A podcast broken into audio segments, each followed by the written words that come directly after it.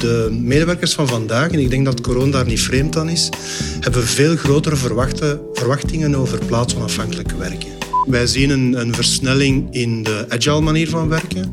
Uh, en ook corona heeft ons gedwongen om na te denken over hybride werken. Het is uh, work-life integration. Je moet je dus thuis voelen op je werkplek.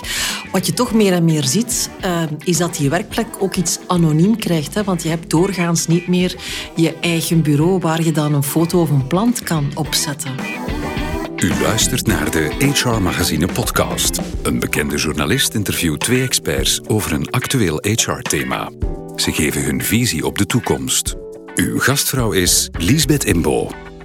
Welkom bij een nieuwe HR-podcast. Thema vandaag is de war on talent, maar dan wel vanuit een verrassende insteek. Verleid talent met gezond eten en duurzame meubels. Hoe simpel kan het zijn? Daarom hier bij mij Chris Legroe, verantwoordelijk uh, Employee Services Telenet.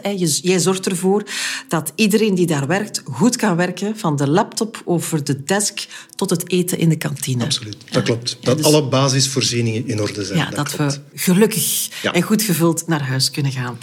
En ook eh, Wouter Ommeslag, in het eh, verleden facility manager en ook docent hè, bij Hogeschool Odyssee. Maar sinds drie jaar directeur bij Facilicum Solutions. Dus een interessante position switch, zeg maar, hè, van ehm, overheid naar privé en een beetje van uh, manager naar, naar, naar verlener. Wat doen jullie precies?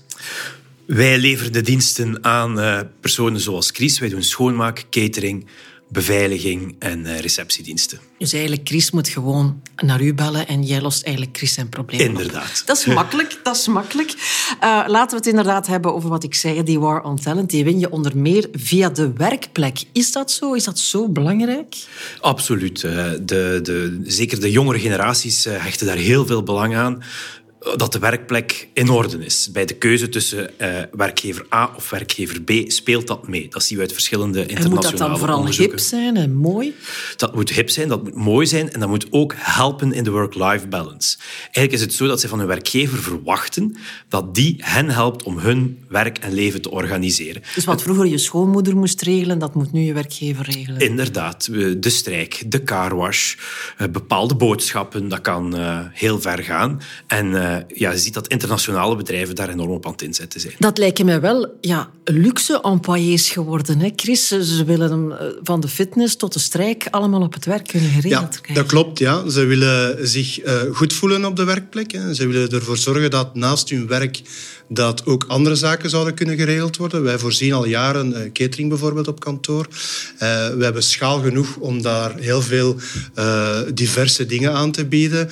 Maar wij zien ook dat mensen verwachten om bijvoorbeeld na hun werktijd on-site fitness. we hebben een kleine fitness, maar wij zitten ook naast het stadion van KV Mechelen, wat voor ons opportuniteiten creëert om een aantal van die andere faciliteiten aan te bieden. Natuurlijk, ik kan me wel inbeelden, die jonge garde vindt dat belangrijk, maar ik kan natuurlijk moeilijk zeggen bij Telenet alleen voor de jonge garde of alleen voor de high potentials. Dat is dan meteen voor het hele bedrijf, dat is altijd realiseerbaar? Um, dat, dat, klopt. Hè. Ook daar weer is schaal een voordeel. Hè. Wij, wij kunnen, wij, ons kantoor is groot genoeg om te zorgen dat er verschillende soorten werkplekken zijn. En voor de mensen die misschien al iets ouder zijn of een functie hebben die eerder sedentair is, kunnen wij vloeren voorzien waar ze heel rustig kunnen werken, ook gefocust kunnen werken. En voor andere uh, functies of, of uh, generaties die veel meer brainstormwerk doen, veel creatiever werk doen, voorzien we ook verschillende werkplekken. Ja, dat is de werkplek. Daar ga ik het zo meteen nog meer hebben. Ik wil nog even bij die employé blijven die van alles wil. De L'Oréal-campagne zegt altijd, because I'm worth it. Zijn zij dat inderdaad waard? Is het inderdaad essentieel dat je als bedrijf, en misschien ook als klein bedrijf, ook voorziet in al die soort randvoorwaarden, als dat er misschien toch een mogelijkheid is tot sporten of tot boodschappen laten brengen en dat soort dingen? Ik denk dat werkgevers ertoe gedwongen zullen worden door de arbeidsmarktomstandigheden. We hebben gezien in de uh, relance na corona dat er een enorm tekort was op de arbeidsmarkt. Op vandaag, ook bij ons bedrijf, staan er meer dan 100 vacatures open. Dus ja, als je als werkgever dat niet doet, ga je een competitief nadeel krijgen tegenover degene die dat wel doet. En daar zal het dus zijn, ja, the best will win. En die zal het talent kunnen aantrekken. Want talent wordt zo schaars door de evoluties in de demografie en de arbeidsmarkt, dat men dat zal op inzetten en zal moeten doen. Want je zegt het zelf ook al, Chris, wij, wij hebben andere vloeren, afhankelijk van de noden. Is het inderdaad zo dat jullie heel hard zijn beginnen nadenken over hoe moet dat er hier uitzien? Ja, hè? Van absoluut. zowel schoonheid tot efficiëntie. Absoluut. Ehm, wij zien een, een versnelling in de agile manier van werken. Eh, en ook corona heeft ons gedwongen om na te denken over hybride werken. En uh, die beide uh, zorgen ervoor dat we effectief heel hard moeten nadenken hoe dat we ons kantoor gaan inrichten. En of bijvoorbeeld op elke vloer elk type werkplek moet aanwezig zijn, of dat je bepaalde vloeren gaat voorbehouden voor een bepaalde manier van werken. Zoals ik eerder zei, sedentair versus meer flexibel of creatief. Want hoe doe je dat, agile werkplekken organiseren? Ja. Um, wij zorgen voor flexibiliteit. Dus we zijn op effectief uh, vandaag door een volledige renovatie aan het gaan van ons hoofdkantoor in Mechelen. En wij zorgen ervoor dat één bepaalde vleugel of een deel van de vloer heel flexibel kan worden ingericht. Hè. Dus je kan het inrichten zoals gewoon een landschapskantoor, een heel traditioneel landschapskantoor. Of je kan alle meubilair die dan in het midden staat, bijvoorbeeld aan de kant schuiven met whiteboards, digitaal of, of uh, gewone whiteboards, kunnen die teams dan gebruiken om hun brainstormactiviteiten te gaan doen. Als ze klaar zijn met die activiteit, dan hopen we dat ze dat alles ze terugzetten. Of wie zit aan het volgende team hè, die dan die vloer gaat gebruiken, misschien de dag daarna, om eigenlijk die ruimte terug in te richten volgens hun eigen noden. Maar dus eigenlijk... Eh, waar, waar ik werk op de VRT, vroeger in het oude gebouw... Hè, was elke vloer hetzelfde. Ja. Dus als je één vloer kende, dan wist je de weg op elke vloer. Dat is lang ook ja, bij jullie niet meer het klopt. geval. Dat is effectief niet meer het geval. We hebben net twee vloeren afgewerkt voor onze callcenters. Die zijn wel redelijk gelijkaardig. Maar nu zijn we twee vloeren aan het herinrichten voor onze marketingafdeling. En die gaan er effectief totaal anders ja, uit. En ik neem ook aan, in heel dat idee, dat het er ook toe doet wat je dan kiest. Dat je dan misschien ook moet kijken naar de materialen en dergelijke meer, dat ook dat allemaal van belang wordt. Duurzaamheid, hergebruik. Absoluut, absoluut. In het keuze van meubilair bijvoorbeeld zie je nu ook een tendens, dat heet dan cradle to cradle, dat het, de meubels volledig hergebruikt kunnen zijn en dus geen bijkomende afvalbelasting betekenen voor, voor de planeet. Dat telt ook mee. Je ziet dat de diversiteit aan soorten werkplekken, dat neemt enorm toe. Vroeger in een kantoor had je tafels en stoelen en kasten, om het even wat een beetje plat te slaan. Nu heb je lounge, zetels, pingpongtafels, hangmatten, grasmatten. Je kan het zo gek niet bedenken. Dus de diversiteit aan soorten meubilair, vloeroppervlakten en allerlei objecten die in dat kantoor staan, dat is eigenlijk enorm toegenomen. En de reden is dat je ziet, work-life balance, zeggen veel mensen, het is eigenlijk een work-life integration. Men werkt thuis, waar men dus thuis ook tafels en stoelen om te werken aan het inrichten is en een thuiskantoor aan het inrichten is. Maar omgekeerd wordt de werkplek dan soms op een bepaalde vlak weer huiselijker en zie je sofa's en hangmatten verschijnen op een werkplek. Ja. Dus wel een heel interessante tendens. Zie je daar ook ergens een soort generatieverschil, Chris? Dat misschien mensen die al uh, heel lang bij Telenet werken vinden van is het nu nodig dat, je vertelde daar straks toen je binnenkwam, dat er nu tijdelijk een padelveld op de parking staat? Dat er misschien zijn die zeggen, ja, ik heb eigenlijk liever een parkeerplaats dan een padelveld, kunnen we gewoon doen. ik, ik zie niet per se op generationeel vlak, maar vooral afhankelijk van welke functie iemand doet of in welke afdeling of business unit die zit. Hè, waar dat je in een aantal delen van de organisatie effectief misschien eerder een traditionele reflex gaat zien, zie je in uh, andere afdelingen zoals marketing uh, of, of, of, ingenieurs, zie je wel die tendens naar wat Wouter net zei, meer dat verschil, dat huiselijke soms, uh, ja. hoge tafels, lage tafels, landschapskantoor is een salon, een open ruimte met een gordijn rond dat soort ja. zaken. Maar je zegt, het is uh, work-life integration. Je moet je dus thuis voelen op je werkplek. Wat je toch meer en meer ziet, uh, is dat die werkplek ook iets anoniem krijgt. Hè? Want je hebt doorgaans niet meer je eigen bureau waar je dan een foto of een plant kan opzetten. Dat maakt het misschien toch net anoniemer. Ja, je moet zo een, een transitie begeleiden. Dat, uh, als je uh, het, uh, al het meubilair eruit gooit en je koopt allerlei hippe meubeltjes en je zet dat neer, dan krijg je ontevreden medewerkers. Maar als je dat goed begeleidt en dus de mensen daar een, een, gedrag laat aanpassen, zeggen van kijk, je hebt, als je aankomt op, op de werkplek of op voorhand, als je het reserveert, kijk in je dag welke activiteiten moet ik doen. Oké, okay, we hebben een brainstorm, want we moeten een nieuw concept bedenken. Oké, we hebben een brainstormruimte die veel beter tot inspiratie zal leiden dan het kantoor met uw foto uh, of uw fotokader op. Of bijvoorbeeld... Um, We moeten uh, samen uh, overeenkomen over een budget. We hebben een concentratiebubbel, vergader, meetingroom nodig, die heel goed uitgerust met al visuele materiaal, een whiteboard waar je kunt op tekenen. Gaat goed een beter en een, en een comfortabel resultaat komen dan als je met een vier rond de tafel zit met ja. uw... Uh, maar mensen hebben toch niet dat eigen plekje ergens nodig? Ja, en dat eigen plekje zal de thuiswerkplek worden, omdat ze met een, een, een individuele concentratiewerk gaan ze niet meer naar kantoor komen, dat gaan ze thuis doen en daarvoor gaan ze een thuiskantoor ingericht hebben. Ja, nu je zei daar straks ook, het gaat over meer, het gaat ook over uh, catering en dat soort dingen. Ja, ik kan me inbeelden, duurzaamheid, ook de hele gezondheidscultuur, ook ja. dat moet zich dan ook vertalen met wat je serveert. Niet meer alleen, bij manier van spreken, als boutade, stoverij met frietjes. Ja, dat klopt. Hè. Um, nu, ik denk dat die trend al een tijdje bezig is, dat... Uh, niet alleen uh, gezond eten of biologisch eten, maar ook die korte keten, dat dat wel een thema is bij verschillende generaties. En dat mensen verwachten dat je daar als werkgever ook gaat inspelen. Uh, nog eens, we hebben een groot genoeg uh, schaal om dat soort dingen aan te bieden. Net uh, naast de stoofvleesfriet kunnen we effectief een saladbar en gezonde alternatieven aanbieden. Ja. Dat is wel een voordeel. Lijkt mij wel allemaal niet zo evident, Wouter, uh, voor de, het kleinere bedrijf, de start-up, dat natuurlijk ook dat jonge talent wil aantrekken. Want ja, net zeker jong talent is dan ook nog betaalbaar voor een start-up.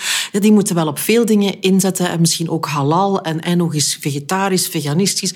Het is niet allemaal zo evident. Het klinkt leuk, maar in de praktijk misschien misschien niet altijd realiseerbaar. Wel, ik denk dat dat type bedrijven zal men gaan inzetten op coworking, waar eigenlijk verschillende van die start-ups op een ja, innovatie-incubatorcampus komen.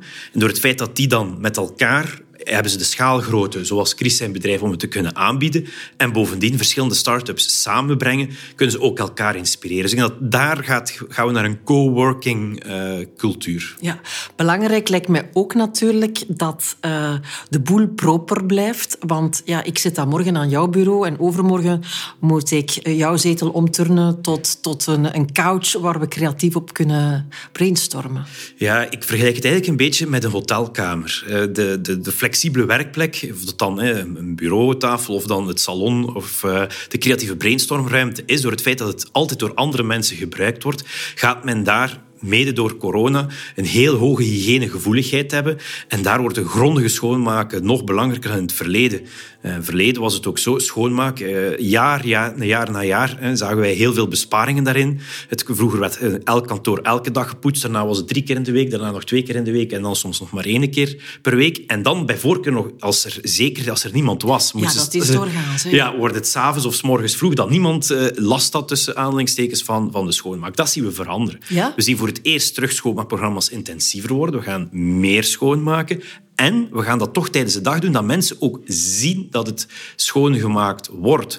Of dat er een kaartje ligt, dat dit is schoongemaakt. Zodanig dat je een visuele zekerheid hebt van this is clean. Dit Bij is jullie proper. ook? Ik zie ja, jou knikken. Absoluut. Ik denk dat dat ook um, verandert hoe dat mensen met dat materiaal gaan omgaan. Hè. Als je ervoor zorgt dat alles schoongemaakt is, omdat elke dag iemand anders het meubilair gaat gebruiken, dan gaan mensen, volgens mijn ervaring, daar ook iets meer respect voor tonen. En zorgen dat het zelf ook proper blijft, omdat ze natuurlijk ook graag hebben dat het voor hen wordt proper gehouden. Dus wij zien effectief die tendens ook.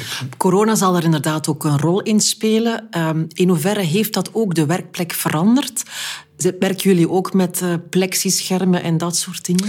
Nee, wij proberen dat zo pragmatisch mogelijk in te vullen. Um, dus we zorgen er wel voor dat alle bureaus op uh, genoeg afstand van elkaar staan. Dus minstens die anderhalve meter. En uiteraard, vandaag de dag zijn er nog een aantal maatregelen, zoals mondmaskers, voldoende afstand houden, meetingrooms ventileren, uh, genoeg of voldoende handen wassen, die we, die we wel vragen van onze medewerkers. Maar nog eens, het is niet de bedoeling... In de eerste lockdown deden we dat wel met, uh, met de wegwijzers plakken op de vloer en dat soort dingen. Maar nu proberen we zoveel mogelijk pragmatiek en continuïteit te creëren. Want dat heeft misschien ook blijvend de werkplek veranderd, Wouter. Ik Corona. denk het wel. Um, en gaat telkens als er uh, in de winter een griepseizoen is, ik bedoel een gewone, tussen aanhalingstekens, gewone griep, men gaat gevoeliger daaraan worden. En de tijd dat men een lange workbench had, waar men op 10 centimeter van elkaar zat, ik denk dat die tijd wel voorbij is. Dat betekent dat eigenlijk, er zijn heel veel bedrijven die aan het kijken zijn van, aha, we gaan 20, 30 procent thuiswerken, dus we gaan zoveel vierkante meter schrappen. Er zullen vierkante meters vrijkomen, daar geloof ik in, maar minder dan men denkt. Omdat de vierkante meters die overblijven zullen anders ingericht worden. En ja, zo'n hangmat neemt meer plaats in dan gewoon één tafel en één stoel. En men zal de werkplekken iets verder uit elkaar zetten om toch dat hygiënisch en uh, virologisch comfort te geven. Heeft het ook misschien mensen banger gemaakt van de werkplek? Zie je dat?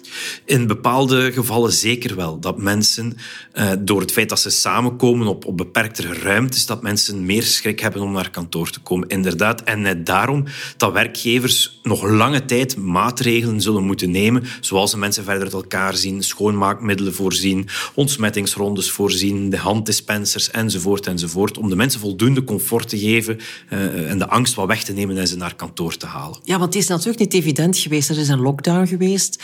Dan was er uh, de terugkeermomenten uh, per 1 oktober. Die zijn nu ook weer flink teruggeschroefd. Hoe moeilijk is dat inderdaad als je toch een soort beeld wil scheppen van het is ook jullie thuis. Het is een deel van je leven, maar de ene keer maakt het heel veel deel uit van je leven en de andere keer mag je er bijna niet zijn. Ja, ik vind het persoonlijk zelf heel moeilijk. Um, ik denk, maatregelen zijn op zich geen probleem. Maar nog eens, we willen zoveel mogelijk continuïteit eh, creëren. En dus eerst versoepelen. We hebben heel veel werk gestoken om mensen terug naar kantoor te krijgen. Om dan zeven weken later terug te verstrengen, maakt het voor de mensen moeilijk. Ook omdat ze dan op zich niet altijd meer weten wat nu die maatregelen effectief zijn op kantoor. Waar moet ik mij aan houden? Is het nu A of B? Moet een mondmasker nu? Of alleen als er onvoldoende afstand is? Dus we proberen daar een beetje nog eens die pragmatiek in te steken. Doe altijd een mondmasker aan als je je verplaatst. Ook al is het misschien uh, niet echt nodig. Dus ik hoop dat we effectief naar een, een, set van maatregelen kunnen gaan die toelaat dat mensen toch terugkomen, voldoende kunnen terugkomen. Wat is voldoende? Ja, bij ons, wij vinden dat mensen 40% van hun tijd op kantoor uh, moeten doorbrengen. En niet per week, ze kunnen dat zelf kiezen. Wij, wij tellen tussen aanhalingstekens per kwartaal. Maar dat lijkt ons wel het minimum om voeling te houden met de cultuur, de bedrijfswaarde, de collega's en zo verder. Dat betekent dat je minstens 40% van je tijd op die andere werkplek bent, ja, thuis, absoluut. moet daar ook meer op ingezet worden in die war for talent. Absoluut. En, uh, Want veel van die jonge gasten wonen nog niet zo groot natuurlijk. Hè? Inderdaad. en ook de, in, baby en dat de soort dingen. inrichtingen. We zien in andere landen dat daar ingezet wordt, dat dat uh, door werkgevers gefaciliteerd wordt, dat die ook naast de werkplek op kantoor ook inspanningen doen om de thuiswerkplek uh, in te richten. alleen België zou België niet zijn natuurlijk als dat ingewikkeld is. heel fiscaal bijzonder ingewikkeld is. Want stel voor dat uw werkgever zou zeggen: wij sturen naar elke werknemer een, een ergonomische bureaustoel. Dan wordt dat fiscaal voorzien als een voordeel van allerlei aard. En dan komt daar allerlei ingewikkelde regelgeving bij kijken. Dus daar dan toch een oproep om dat toch wel eenvoudiger te maken. Want ik denk een goed ingerichte thuiswerkplek, dat zal voor een heel aantal beroepscategorieën echt wel de norm worden. Krijgen jullie ook meer en meer die vragen van die toch al demanding employees, die wel graag ook een padelveld wel hebben, misschien thuis ook inderdaad een leuke, goede ja, bureaustoel? We hebben daar eigenlijk heel snel op ingespeeld. Dus in de eerste lockdown konden mensen een stoel of een computerscherm en een keyboard meenemen om uit te lenen van, van Telenet. En dan, uh, we hebben een flexibel benefitsplan, ook weer een voordeel, een, een cafetariaplan zoals wordt genoemd, waar mensen eigenlijk effectief een ergonomische bureau, in hoogte verstelbaar, en een bureaustoel kunnen kiezen met hun variabel loon. Als deel van de verloning voorzien wij ook dat soort uh, voordelen. Nu, het is belangrijk in die War for Talent dat die dingen uh, worden voorzien. En een aantal van die dingen merk je natuurlijk. Hè. Of het eten gezond is, altijd voorradig, de bureau proper. Dat, dat merk je in een oogopslag. Het gaat natuurlijk op een hoger niveau ook. Hè. Men wil dat het bedrijf voor waarden staat, voor duurzaamheid staat. Is dat iets wat jullie ook dan continu communiceren, dat ze weten dat het daar op, een, op de juiste manier tussen aanhalingstekens verwarmd wordt, belicht wordt en weet ik veel? Um, niet continu, maar we zien wel dat dat meer en meer uh, belang uh, creëert. En ook bij onze shareholders, onze aandeelhouders. Daar worden vragen naar gesteld. Daar worden absoluut heel veel vragen rondgesteld. Hè. Onze CFO zegt soms dat er meer over duurzaamheid wordt gevraagd dan over de financiële resultaten. Door, dat is goed eigenlijk. Dat soort aandeel, sommige aandeelhouders. Um, maar um, we hebben daar eigenlijk ook wel heel snel op ingespeeld. En voor het eerst dit jaar wordt een deel van het variabel loon, de bedrijfsbonus van medewerkers, gehangen aan die duurzaamheids-KPI's. Waar dat, als je nu kijkt naar sociale doelstellingen, naar energiedoelstellingen, dus milieu of naar governance, proberen wij daar toch op in te spelen. En niet alleen die bedrijfsbonus aan financiële doelstellingen te hangen, maar ook aan een aantal duurzaamheids-KPI's. Ja, dus wie duurzaam is, zal misschien de War on Talent winnen, Wouter? Het is daar zeker een onderdeel van.